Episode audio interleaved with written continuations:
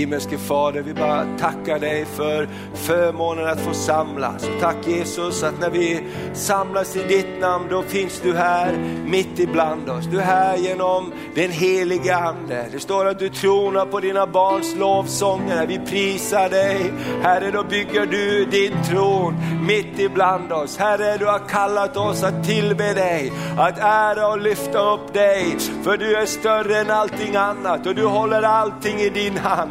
Och Jesus, när vi prisar dig så vill vi erkänna vårt beroende av dig varje dag. Därför att det är du Jesus som är på tronen, det är du som bär oss, det är du som lyfter oss, det är du som banar vägen för oss. Du går framför oss, du går bakom oss, du omsluter oss på alla våra sidor. Herre, Herre vi bara prisar dig. Tack Herre för att vi får öppna våra hjärtan idag, ta emot ordet. Herre, kom helige Ande, vidrör våra hjärtan så det får vara öppet för ditt ord, så det får förvandla våra liv. Herre, vi bara prisar dig och vi tackar dig Jesus, i Jesu namn. Och allt folket sa det, Amen. Innan du sätter dig ner så bara ta och välsigna några och säg någonting uppmuntrande till någon. Halleluja. Halleluja, underbart lovsångare, kanonbra. Halleluja, jättehärligt. Amen. Varsågod och, och sitt. Prisat vare Herren, Gud är en god Gud, eller hur? Amen, och han är god varje dag. Det är så underbart att vi tjänar en Gud som inte är som ett lotteri, utan Gud är fast. Gud förändras inte, Gud är god. Halleluja, imorgon när du vaknar så är han god igen. Halleluja, och han har berättat en plats för oss i himlen dit vi får vara på väg. Halleluja.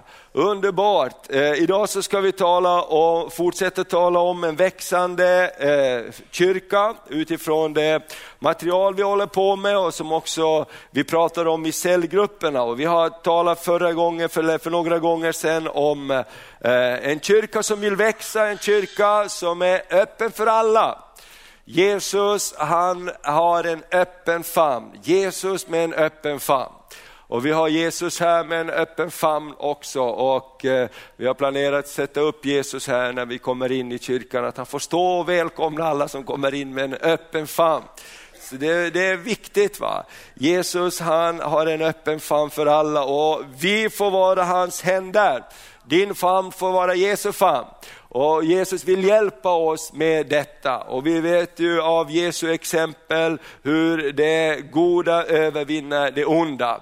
Jesus kom in till eh, eh, Sackeus hus och han börjar inte gå igenom allt fel han hade gjort. Han börjar med att sätta sig ner och äta tillsammans med honom. Och någonting hände i Sackeus liv. Han sa, det jag har gjort är inte bra. Men här efter så vill jag följa dig Jesus. Och här tror jag vi verkligen kan ha mycket att lära. Och det andra som vi har pratat om, en kyrka som vill växa, bryr sig om människor i nöd. Diakoni. Vi blundar inte, vi är inte som Buddha som sitter och blundar och tittar in i sig själv.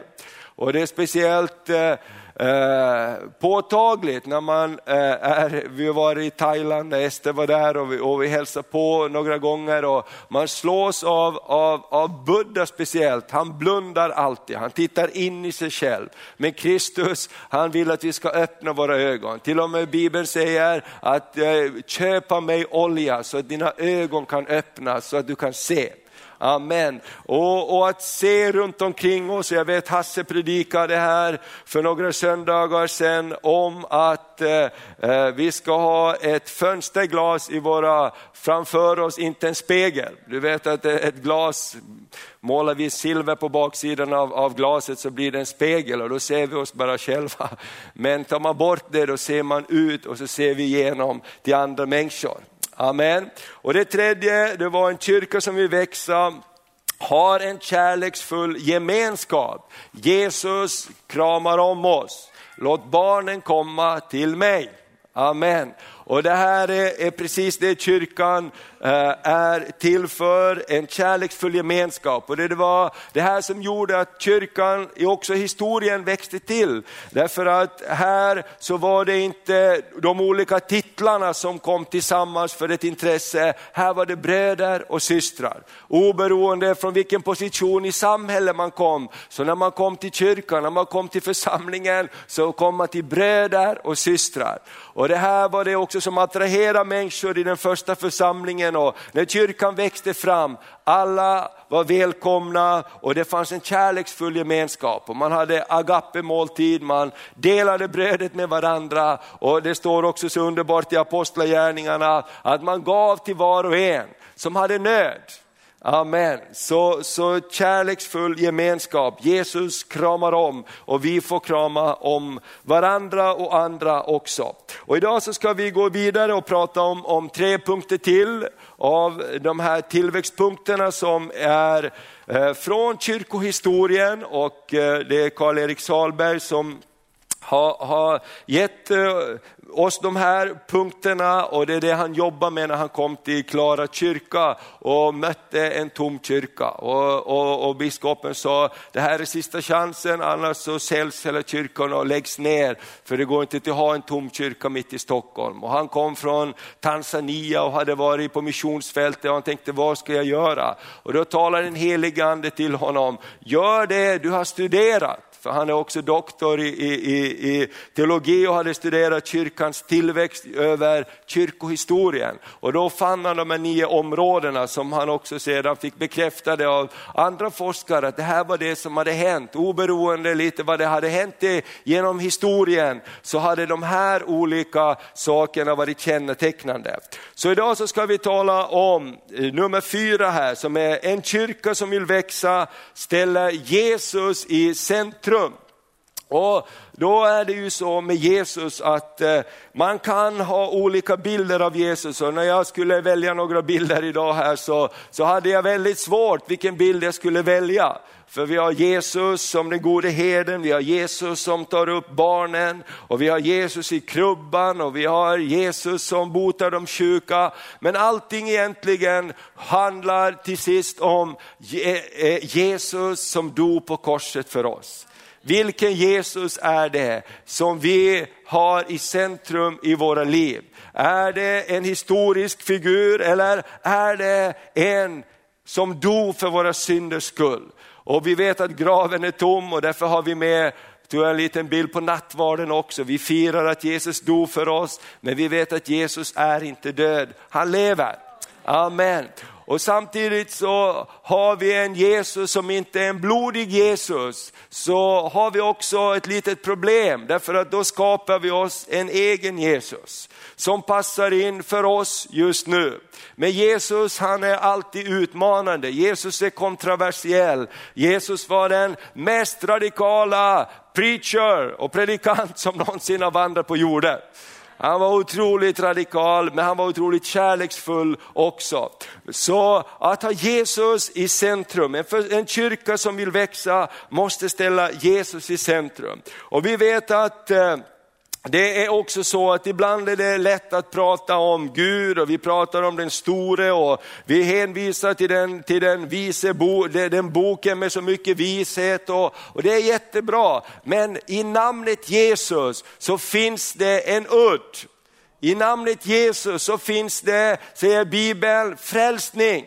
För det namnets skull så måste varje knä böja sig. Varför då? För han blev lydig till döden, till döden på korsets träd.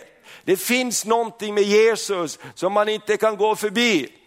Amen. Man måste ta en ställning för denne man som blev övergiven på ett kors. Bara några få stannade kvar. Men idag så är det, man räknar med två tredjedelar av världens befolkning som säger Jesus Kristus är min Herre. Och vi vet att en dag så måste vi alla säga vårt ställningstagande, när vi står inför Gud, när vi står inför domstolen en gång. Vad gjorde du med Jesus? Vad gjorde du med det offer som han offrade sig för dig? När han gav sitt liv och när han betalade med sitt blod för att vi skulle få frid. Och därför så tror jag verkligen att Jesus är så viktigt att vi talar om och att vi lyfter upp. Och vi måste alla ha Jesus, eller hur? Amen. Annars blir vi kyrkan och församlingen som vilken förening som helst. Vi har trevligt och vi har, kan ha en, en samtalsgrupp och vi kan ha en intressegrupp och vi kan ha en gemenskapsgrupp, vilket är jättebra. Men en kyrka utan en blodig Jesus blir väldigt tam.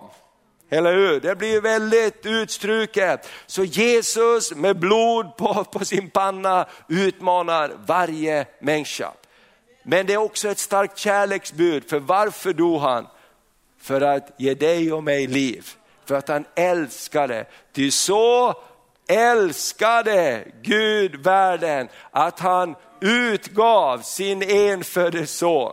På det att var och en som tror på honom inte ska förgås utan ha evigt liv. Korset om Jesus, budskapet om Jesus, det är en kärlekssymbol. Ska vi läsa några bibelord här också? Och vi kan läsa Matteus, det tionde kapitlet och eh, ifrån vers 32 och 33. Matteus 10, vers 32 och 33.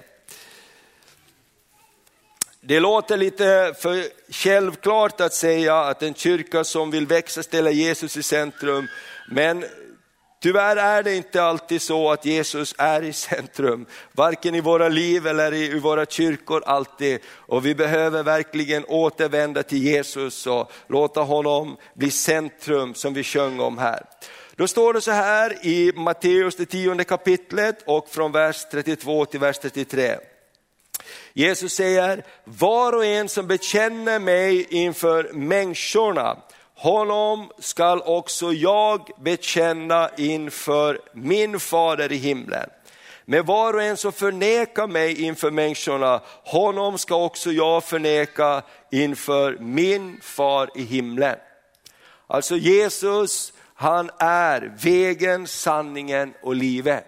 Det andra bibelordet som vi känner till är Johannes 14 och 6. Jesus säger, vi kan läsa det, Johannes kapitel 14 och vers 6. Enkla bibelord, men de säger så otroligt mycket varför Jesus är så viktig att få vara i centrum i våra liv och i kyrkan. Jesus säger så här eh, i Johannes 14 och vers 6. Jesus sa till honom, jag är vägen, sanningen och livet. Ingen kommer till Fadern utom genom mig. Amen. Så Jesus han är dörren in, han är vägen och han är livet. Därför så måste Jesus alltid få vara i centrum i kyrkan. Och när vi har Jesus i centrum, då har vi automatiskt också en bekännelse att vi behöver en frälsare. Amen. Vi behöver räddning, vi behöver frälsning, vi behöver någon som kan hjälpa oss. Eller hur? Annars så blir bara synden ett problem i våra liv, eller en svaghet, eller en, en, en, eh, en mänsklig karaktärsproblem som vi måste få tag på, ordning på. Och, och, och då blir plötsligt inte Jesus frälsaren. Och jag glömmer aldrig, jag har sagt det förut, jag har tänkt på det den senaste tiden, hur den här broder, evangelisten Stephen Hill som var så mäktigt använd i Pensacola.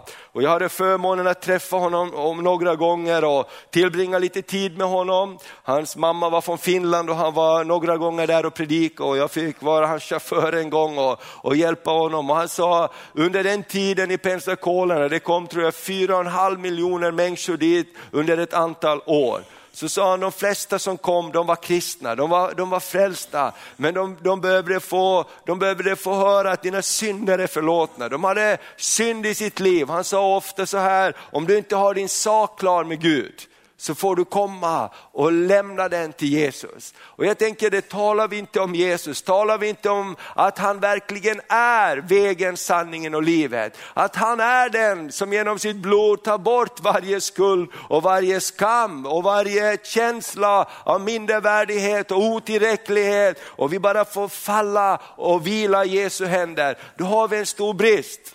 Och därför att Jesus är den som förlåter våra synder. Amen. Han är den som renar oss från all orättfärdighet. Amen. Och därför så är det så underbart att det står att Jesu blod renar, inte bara en gång utan det fortsätter att rena. Amen. Om du bekänner din synd så är han trofast och rättfärdig så att han förlåter dig från alla dina orättfärdigheter. Och den Jesus vill jag ha. Amen, för jag behöver förlåtelse varje dag. Eller hur? Jag behöver en frälsare i mitt liv. Halleluja, och det är en kyrka som talar om att Jesus är frälsaren och ännu mycket mer, Jesus är ju den som upprättar, helar, Jesus är den som tar himlen och gör den verklig för oss. Halleluja! Och vi har inte tid här, vi är på bönen, i, i, så läste vi om eh, eh, eh den helige ande, hur den helige ande ska komma till oss. Och den helige ande, ja, vi, måste, vi är det här i samma kapitel, vi gör en liten utflykt, är du med? Titta här, om vi tittar ner till vers 15 i samma kapitel. Halleluja, står det så här, om ni älskar mig samma kapitel, kapitel 14, lite längre ner, vers 15 framåt. Jesus säger, om ni älskar mig håller ni fast vid mina bud. Det är ett uttryck för kärleken till Jesus, att vi håller fast vid den här boken.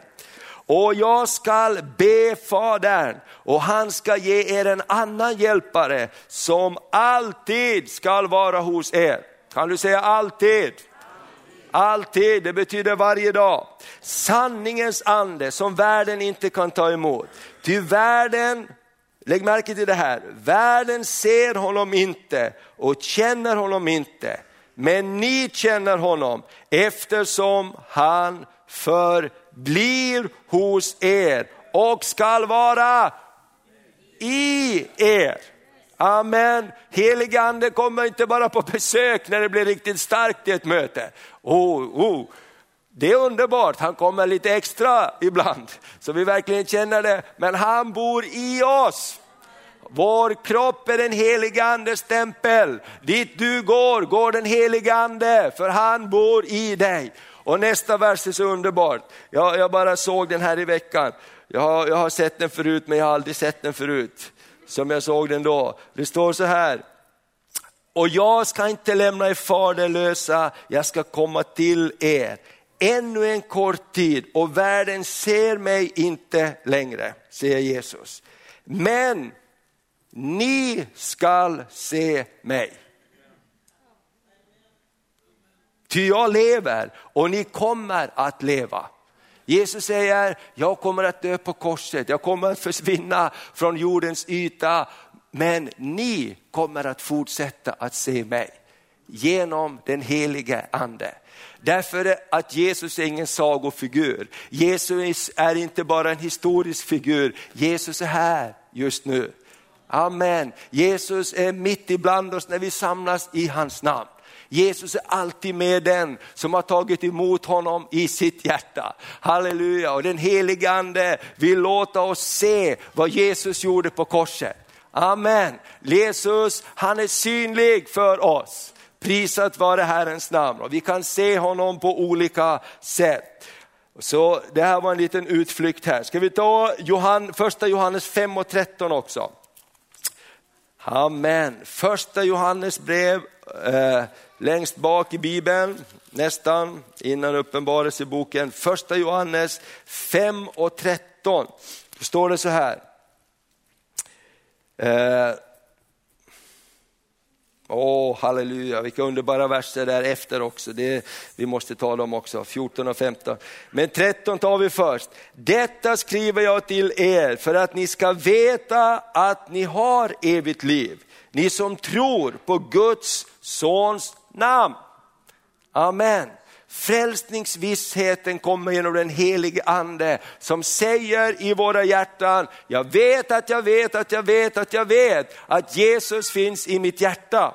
Och det är ju det här som har varit den stora, stora, stora saken som alltid är så svårt att förklara. Och människor säger, du säger att du tror på Jesus, du säger att du ber till Jesus, du säger att Jesus är med dig varje dag. Men var är han? Han finns i mitt hjärta. Amen. Han finns på Faderns högra sida i himlen. Och då säger man så här, ja du talar om himlen som en verklig plats, visa mig himlen. Eh, jag kan inte visa dig himlen. Men du säger att om du dör så kommer du att gå, och, och gå till himlen. Sant, men jag kan inte visa dig himlen. Men jag har himlen i mitt hjärta. Och tar du emot Jesus och lever med Jesus får du också himlen i ditt hjärta. Det blir en sån verklig plats att jag vet att jag vet att jag vet att när döden kommer emot mig så är det inte ett slut som kommer emot mig utan det är en början på någonting nytt. För Jesus sa den som lever eller den som dör han ska leva om han än dör. Amen. Därför himlen är en verklig plats. Och så står det så här vidare i vers 14 och 15. Och detta är den tillit vi har till honom, att om vi ber om någonting efter hans vilja så hör han oss. Efter Jesu vilja. Och när vi vet att han hör oss, vad vi än ber honom, så vet vi också att vi redan har det vi har bett honom om i vår bön. Amen. Det är därför vi kan prisa Gud för bönesvaret innan vi har fått det. Amen. Det är därför Paulus och Silas längst nere i fängelse prisar Gud. För de sa kanske vi kommer hem imorgon och vi vill komma med lovprisning i våra hjärtan. Och Gud hörde dig från himlen. Halleluja, och han skakade om det där fängelset så de blev fria. Amen. Vi går vidare här så vi hinner med alltihopa. Den, nästa punkt handlar om eh, en kyrka som vill växa lever ett heligt liv. Och när vi pratar om Jesus så pratar vi om Jesus, Guds son.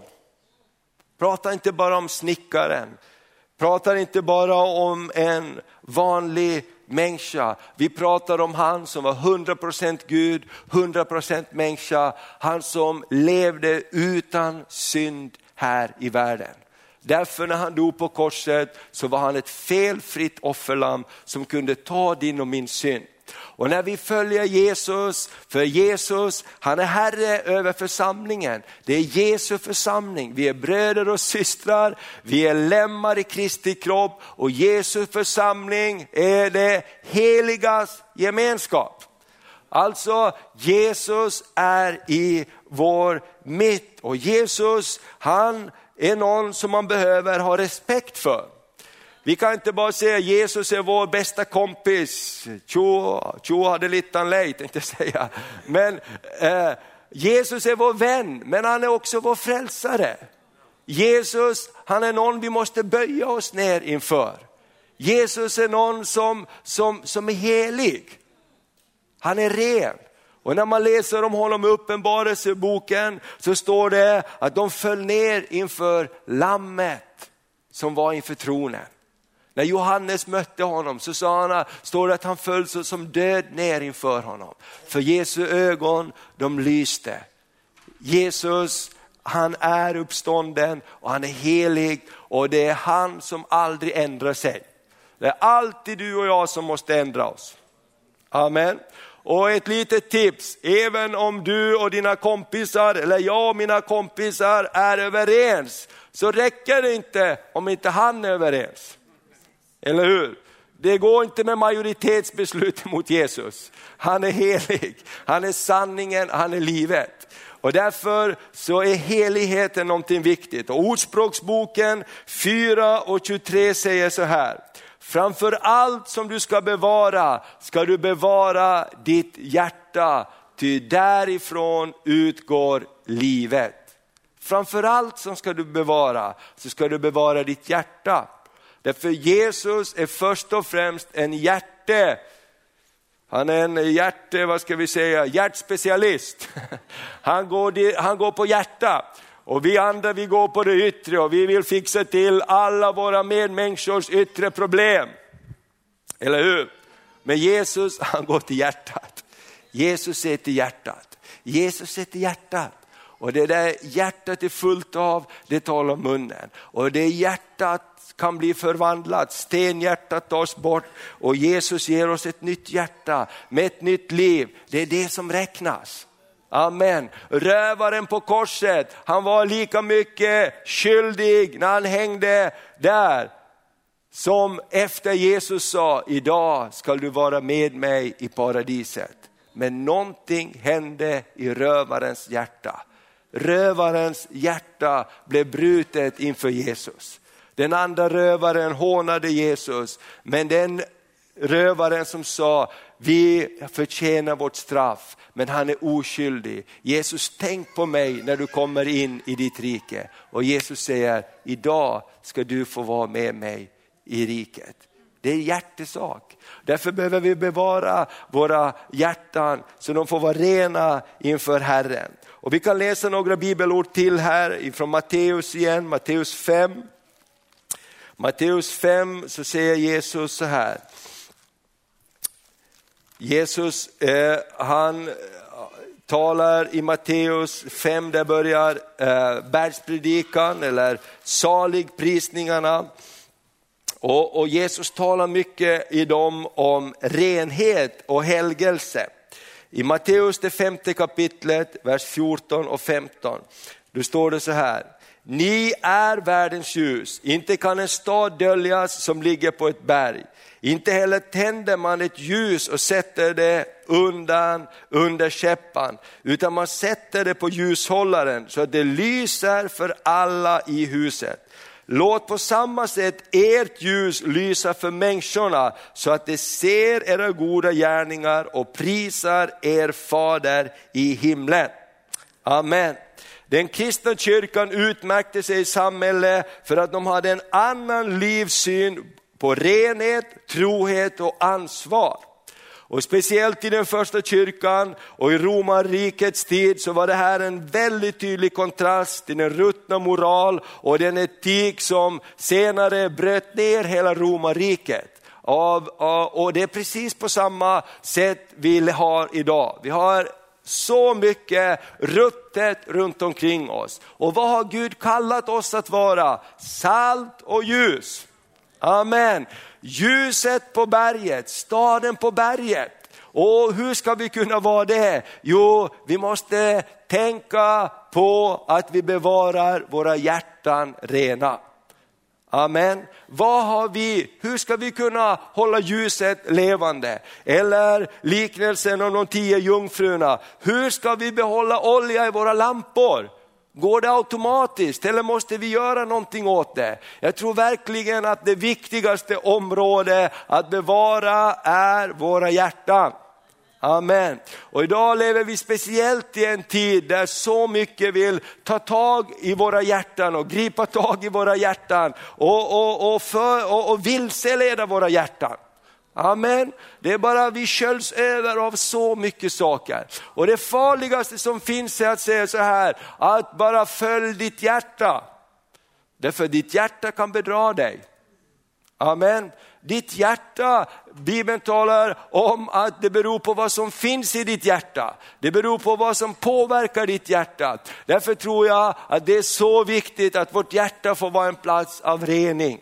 Vårt hjärta får vara en plats av rening. Och jag kommer ihåg återigen till Stephen Hill, jag har tänkt på honom den sista tiden. Och vi var där på, på, på möten, vi besökte eh, Florida och väckelsen där i, i Pensacola. Det var så många människor som bara kom och bara grät inför Jesus. Och vi själva gjorde det också, vi bara kom och la ner våra liv inför Jesus. Vi känner Jesus när du lyser på mig, när din ficklampa lyser på mig, då vill jag inte att ha någonting där som inte behagar dig. Jesus rena mig.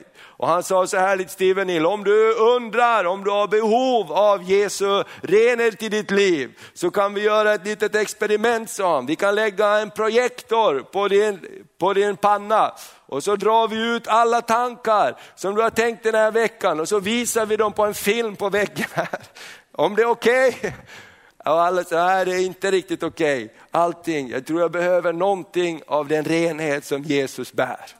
Amen. Och det tror jag att det finns så mycket där när det handlar om att bevara våra hjärtan. Ska vi titta på ett annat bibelställe också, i första Petrus 4 och vers 15 och 16. Första Petrus brev, Petrus efter Hebreerbrevet brukar vara. Första Petrus 4 och 15. Första Petrus brev kapitel 4. Står det så här i vers 15 och 16. Att eh, här handlar det om, om att lida för Kristus skull. Därför att det finns någonting här, vi kan läsa ifrån vers 14 också. Saliga är ni om ni hånas för Kristi namns skull, till härlighetens ande, Guds ande vilar över er. Men ingen av er ska lida för att han är mördare, en tjuv, en förbrytare eller förskingrare. Vad säger Petrus här? Jo, vi som kristna, vi har ett annat levnadssätt. Amen. Någonting i våra liv har förändrats. Någonting i våra liv gör att vi kan inte göra som alla andra. Om alla andra säger att det är okej okay att, att käla lite grann det är från arbetsgivaren, det är okej okay att smussla lite med skatten, så säger inte vår Jesus det. Han säger att jag är sanningen och livet. Jag är renheten. Amen. Och därför säger Petrus att, att ingen av er ska lida för de här sakerna. Men i vers 16, om någon får lida för att han är en kristen ska han inte skämmas utan prisa Gud för det namnet. Amen. Så att bevara sitt hjärta, en kyrka som vill växa, lever ett heligt liv. Och här tror jag vi kan hjälpa varandra. Hur kan vi hjälpa varandra till ett heligt liv och ett helgat liv? När det finns så mycket som bara vill ta vår uppmärksamhet. Vi har det som är internet idag med, med tillgängligt, allt är tillgängligt på ett knapptryck. Vi har så många saker som så lätt får tag på oss. Och här är inte människorna i kyrkan beskyddade på något sätt vi är alla utsatta för samma saker, samma flod. Vi måste alla göra våra val. Och här tror jag att det är viktigt att vi kan prata också i cellgrupperna men också när vi, när vi hjälper varandra så att vi är ett genomskinligt liv. Amen. Vi kan be för varandra i cellgrupperna. Någon som har fastnat i någonting i, på, på, när det gäller internet till exempel. Det finns så mycket orenhet som så lätt kan fånga ens blick. Tänk på kung David, han som är vårt stora exempel. Inte heller han gick eh, eh fri från blickarna som fastnade hos Batseba som badade på taket i huset bredvid.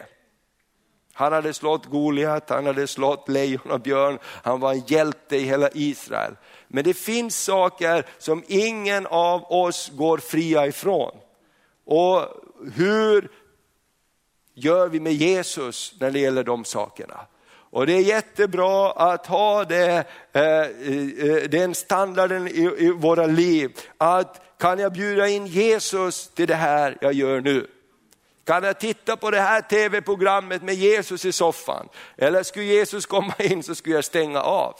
Kan jag kolla på de här sidorna med Jesus bredvid mig på internet? Eller skulle han komma in så skulle jag fotradera grejerna. Det är jättebra så här att, att bara ha den, den standarden. Eller skulle jag kunna rekommendera någon annan att göra det jag gör? Det är en jättebra att fråga sig själv. Det jag gör nu skulle jag kunna rekommendera och är det inte så, så då finns det ett blod som renar. Och här är någonting som är jätteviktigt också. Fienden kommer ofta till oss när det gäller de här sakerna med helgelse och renhet och så försöker han föra in oss i en position där, vi, där det blir vår kamp, där det blir din kamp. Men det har aldrig Jesus menat, att det ska vara din egen kamp. Det är vår kamp tillsammans. Därför säger Bibeln, bekänn era synder för varandra så ska ni bli renade. Därför att någonting, när vi bekänner, när vi säger till någon annan, då avslöjar vi fienden. När man bekänner, när man, när man säger det här har jag jobb med, kan du be för mig? Det här vill jag bekänna som synd i mitt liv. Pang, någonting blev avslöjat. Och så länge vi håller det för oss själva, så länge det är min kamp som jag ska vinna, så är vi på den förlorande sidan. Men när vi kopplar ihop med kroppen, med Kristi kropp, med någon broder, med någon syster, med någon annan, så är vi starka tillsammans. Därför då kopplar vi ihop med kroppen. Amen. Prisat vare Herrens namn. Och det här tror jag att vi verkligen kan hjälpa varandra med att, att, att lyfta upp saker och ibland när vi har de här fasteperioderna i församlingen, att bara stänga av olika saker, bara fasta från tvn ibland, fasta från, fasta från internet, fasta från saker som vi vet att fånga vår uppmärksamhet. För min vän, i lydnad för Guds ord och i renheten så finns det någonting underbart. Där finns det en frimodighet. Amen. Vet du varför kyrkan ofta inte vågar ta itu med synd och inte vågar ta itu med demonisk aktivitet runt omkring oss. Därför att vi själva är bundna av det. Men det finns någonting när Jesu blod får rena oss, när vi får vara öppna, genomskinliga. Det kommer en ny frimodighet i vårt liv. Det kommer en ny frimodighet i dina ögon. Där du säger, jag behöver inte vara rädd för Gud. Jag behöver inte vara rädd för människor. Jag behöver inte vara rädd för den onde. För man kan säga som Jesus, i mig finns ingenting som hör honom till. Amen. Och det kommer en ny frimodighet. En ny frimodighet i ditt liv. Och det vill Gud att du ska få ha en glädje och en frimodighet för att du är frälst av nåd. Amen. Du är pappas barn, eller hur? Halleluja. Du är pappas barn. Halleluja, frälst av nåd, beroende av korset, beroende av renhet och, och, och Jesu blod renar oss. Och det betyder inte att man är perfekt. Har du träffat någon perfekt människa? Aldrig. Hur höga, hur fina, hur lärda man än är så har vi alla ett kött. Det handlar inte om det. Det handlar om att leva med en attityd av att jag behöver förlåtelse. Jag behöver renhet. Jag behöver Jesus. Jag behöver bevara mitt hjärta rent inför honom. Amen. Jag vill ha olja i min lampa. Okej, okay. så nu har vi pratat om, vad var det första? Jesus i centrum. Och en kyrka som vill växa lever ett heligt liv, bevarar sitt hjärta. Amen. Och det sista vi ska prata om idag, en kyrka som vill växa är beredd att lida för sin tro.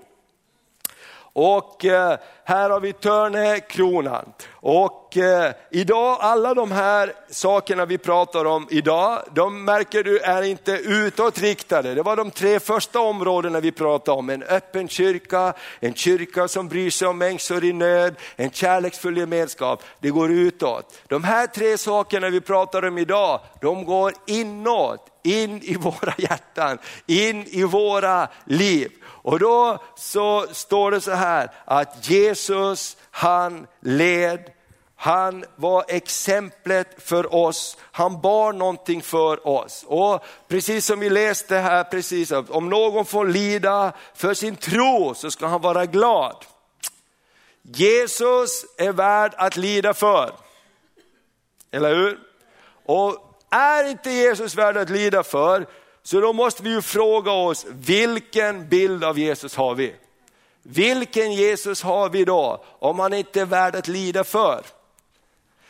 De flesta av oss skulle vara, skulle vara beredda att lida för våra barn. Och det finns så många exempel på det. Mammor och pappor som har sprungit in i elden för att rädda sina barn. Vi har ju bara våra vänner, pastor eh, Sparet Gniste i Uddevalla, som blev mirakulöst räddade. Han skulle inte egentligen leva, utan han fick 80-procentiga brandskador, för han kutade in igen. Och, och, och, när deras hus började brinna och de, de ville se till att deras barn blev räddade. Alla blev ju räddade. Men någonting är ju värt att leva och dö för. Och just den här med Jesus, en kyrka som vill växa, är beredd att lida för sin tro. Eller är det som Jesus sa, ve er när alla talar väl om er. Och ärligt sagt, det är ju roligare när alla talar väl om en. Eller hur? Det är inte lätt alltid att ställa sig upp emot strömmen. Det är inte alltid lätt att stå för någonting. Eller hur? Det är inte alltid lätt, det är inte lätt. va. Men den kyrka som vågar stå för någonting, det är en kyrka som växer. Amen. Kommer ni ihåg när Marcus Birro var här för några veckor sedan? Det var hans eh, enda budskap som han sa till oss. Den som inte står för någonting, han faller för vad som helst. Att stå för Jesus och han sa, berätta, jag vill berätta om Jesus som har hjälpt mig. Amen, skulle inte jag berätta om honom som har hjälpt mig? Jag gick hos psykologer, jag var på kliniker, jag, jag fick ingen hjälp någonstans på djupet. Men när jag böjde mina knän för Jesus så tog han och befriade mig från alkoholen. Han befriade mig från de här skuldkänslorna som försökte kväva mig. Skulle inte jag berätta om honom? Och han sa, ibland får man stryk för det, men jag tror att verkligen här att hitta en, en, en, en väg i våra liv där vi har en kyrka, vi är beredda att lida för vår tro. Amen. Och det, det, är också så, vi har märkt det med kristna skolan till exempel. Vi blev ju så hårt pressade när Skolverket kom med sin nya skollag om att inte få ha någonting kristet i kyrkorna, och det bara, eh, i skolorna. Och bara pressa, pressa och pressa tillbaks. Och till sist så kommer man ju nära kanten, att man nu har vi ingenting kvar snart. Och det märkliga var det, när, när, när flera av de kristna skolorna satt ner foten och sa så här, vi ändrar oss inte. För till exempel så här, man får inte ha bibelord i hänvisningar till alla människors lika värde. Fast det är Jesus som har sagt det, vi ska inte göra skillnad på människor. Eller den gyllene regeln, får man inte hänvisa till att det är Jesus som har gett oss den gyllene regeln. Utan det är bara en allmänt känd sanning. Jo men hallå, varifrån kommer den? Vem har lärt oss den? Vi tar inte bort den ifrån våra papper. Och plötsligt så backar de. På, på, eh, på, skola efter skola, när de sa, nu ändrar vi oss inte längre. Vi kan inte ta bort det som är vår grund. Då har vi ju ingen identitet längre. Vad är det för idé att vi har, är kristen skola om vi inte får ha någonting kristet i skolan?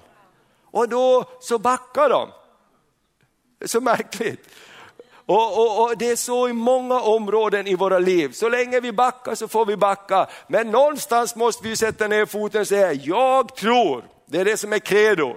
Därför vi bekänner i kyrkan, jag tror på Gud, Fader allsmäktig, himmelen och jorden skapare. Ja men är du säker på att han skapar himlen och jorden? Jag tror att han skapar himmel och jord. Ja men du är inte riktigt eh, modern kanske jag inte är, men jag tror att Gud skapar himmel och jord. Amen. Jag tror att Gud har skapat mig. Jag tror att Gud har skapat dig och därför finns det ett syfte för ditt liv. Amen. Och du vet, någonstans måste vi sätta ner foten och säga, vi tror. Amen. Vi tror på någonting. Halleluja! Och då kan vi kanske få lida för vår tro, men någonting säger kyrkohistorien, alla kristna under de framgångsrika åren har genom kyrkohistorien lidit. Och det här uttryckte martyrernas blod var kyrkans utsäde.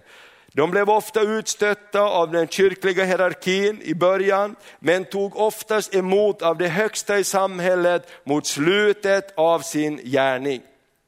Till exempel John Wesley, han blev förbjuden att predika i kyrkan därför att han ville predika fritt om Jesus. Han ville predika fritt till alla människor.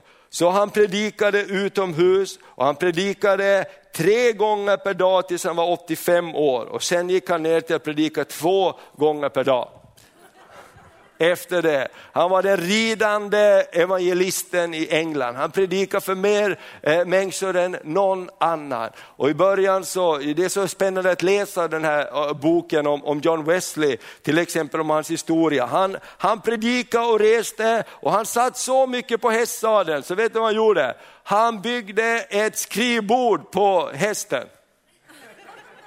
Så han, han, man har de här grejerna kvar. Han hade liksom sadeln där och så byggde han upp så att han kunde ha sina böcker framför när han red och läsa och jobba. För så stor del av hans tid så satt han på hästryggen för att ta sig till en plats till en annan. Och när man läser om hans liv så var han först faktiskt missionär. Han var ute och predikade men han hade inte tagit emot Jesus som sin Herre. Och han mötte de här herrnhuttarna ifrån Tyskland som var en missionsrörelse. Och när han mötte dem på, på båten över, tillbaks tror jag från, han kom från Amerika där han hade ett misslyckat missionsarbete, så mötte han människor som trodde på Jesus.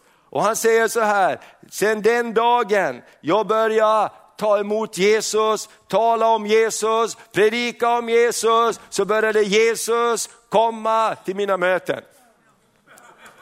Amen. Så uppenbarar sig Jesus mitt ibland människorna med sin kraft och sin härlighet. Amen. Det finns någonting med Jesus. Och eh, när, när John Wesley dog så var det allmän statsbegravning, människor stod i tusentals för att hedra honom som hade predikat. Och han är metodismens också grundare och han samlar körden i små grupper för att studera Bibeln och bevara körden som han hade vunnit för Kristus. Och här har vi så mycket att lära oss också om, även om vi får lida. Och det var också som pastor Ulf Ekman fick det här ordet i början när det var så mycket förföljelse mot Ulf Ekman och Livets ord så sa Gud, all den, all det skräp, all det smuts som slängs emot dig ska jag göra till en plattform som du ska få tala ifrån till hela Sverige. Och det blev ju så eh, också när åren gick att plötsligt så ville man göra en tv-gudstjänst ifrån Livets Ord. Plötsligt så ville folk lyssna till vad han hade att säga. Från att bara vara smutskastad för att man ber för de sjuka och så vidare. Och så vidare. Någonting händer när vi vågar lida för vår tro. Amen. Och det är en bra fråga att ställa sig när vi pratar om det här mera i hemgrupperna och så. Har vi en tro som är värd att lida för? Och det är bra att vi pratar om varför har vi en tendens att alltid backa undan när Jesus kommer på tal. Och jag, jag kommer ihåg det när vi, när, när, vi skulle starta vår kristna skola här och vi var ute och presenterade för olika grupper i samhället, kristna skolan. Och i början så försökte man vara lite diplomatisk. Det, det, är ju lätt att vara det, man blir lite politiskt korrekt. Och man pratar om allt möjligt. Va? Och sen kommer jag ihåg den dagen jag bara bestämde mig för att säga, men det är ju verkligen så att vi tror att Jesus är bra för barnen. Vi tror att Jesus är bra för vuxna, vi tror att Jesus också är bra för barnen. Han är barnens vän. Jesus älskar barnen och varför skulle vi inte låta Jesus få finnas i en miljö och atmosfär tillsammans under skoldagen? Amen. Och någonstans där så kände jag bara ny frimodighet kom. Och det här behöver vi ta tillbaks på olika områden i våra liv. Vi skäms inte för evangeliet. Amen. Jesus säger den som skäms inför människor för mig, honom ska jag skämmas för en dag inför Fadern. Och det vill vi ju inte, eller hur? Låt oss bara tro Gud om kraft att få mod att också lida för vår tro. Amen. Och jag kommer ihåg, jag växte ju upp med en, med en gammal pappa som alla gör. För alla tycker att föräldrarna är så gamla, men min pappa var alltid gråhårig. Han var 40 år när han gifte sig. Och när jag föddes så var han väl, eh, ja, snart blev 50, jag kommer ihåg faktiskt hans 50-årsdag och så vidare. Men han hade alltid grått hår och mina kompisar frågade, är det din farfar som hämtar dig på skolan? är inte min farfar. Han kunde varit min farfar. Men i alla fall, så, så när han var ju i, i, i vuxen ålder så tog han emot Jesus. Och han, han var ju i ett samhälle där han var starkt engagerad politiskt och han var kommunens eh, fullmäktiges ordförande. Så här. Och så, så började Jesus kalla honom. Gud började kalla honom och han bara fick böja sina knän för Jesus. Och, och, I början så börjar arbetskompisar och andra, liksom, sådär som det kan vara, pika honom och, och så här. Och, och, och, har, du blivit, har du blivit religiös? Liksom? Är det, är det, är det lill-Jesus som kommer? Fast det, du vet, fast det är vuxna människor så kommer sådana saker. Och han sa ingenting, alltså, brukar han berätta om det här, ända tills en dag då de var ute och arbetade ute på isarna och, och, och de fiskade och höll på där. Och, och då tänkte han bara, nu bestämmer jag mig en gång för alla, jag är en kristen. Och då har jag bara sagt till alla, jag är, jag tror på Jesus och det är jag glad över. Någonting händer när man bekänner Jesus som sin Herre. Och det här trycket lever vi alla under. Var tyst, var tyst, var tyst. Den tro du har, den ska du ha för dig själv. Nej, den tro du har kan du inte ha för dig själv. Lärjungarna sa, vi kan inte vara tysta med det vi har sett och hört. Vi kan inte vara tysta med det Jesus har gjort för oss. Men Gud vill hjälpa oss att bara få ut det i bra proportioner. Amen.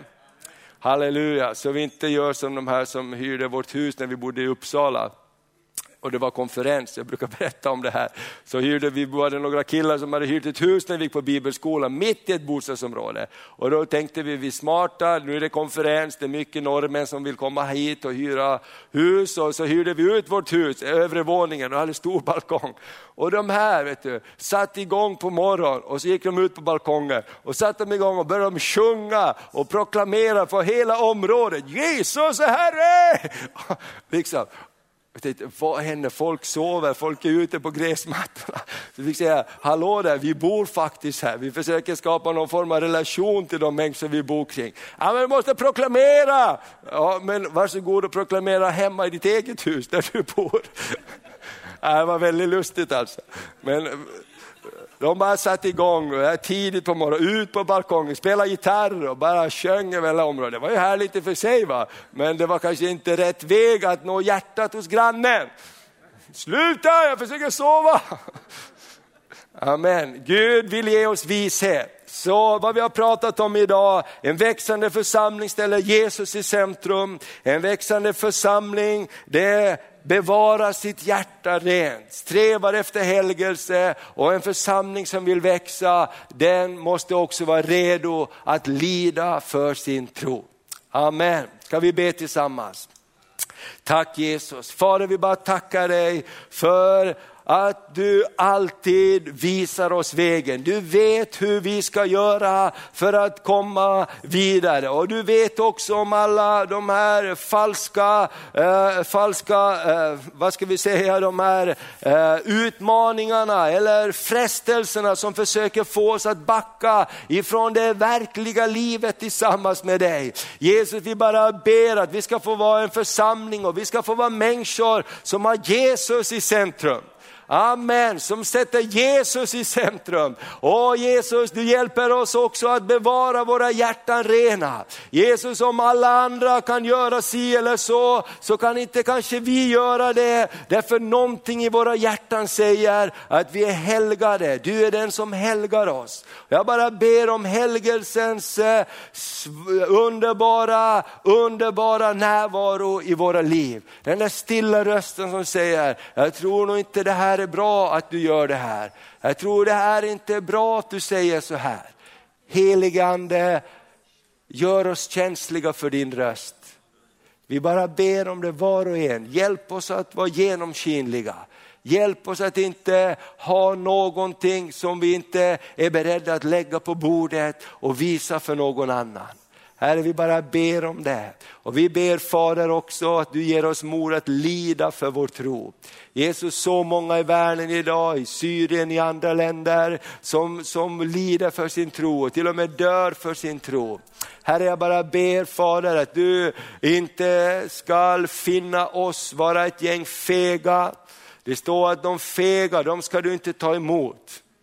Gud, vi vill inte vara ljumma, vi vill inte vara de som bara viker undan. Ge oss mod. Vi ber som Paulus, be för mig att jag får frimodighet. Och vi behöver en ny frimodighet Herre, att stå upp för dig.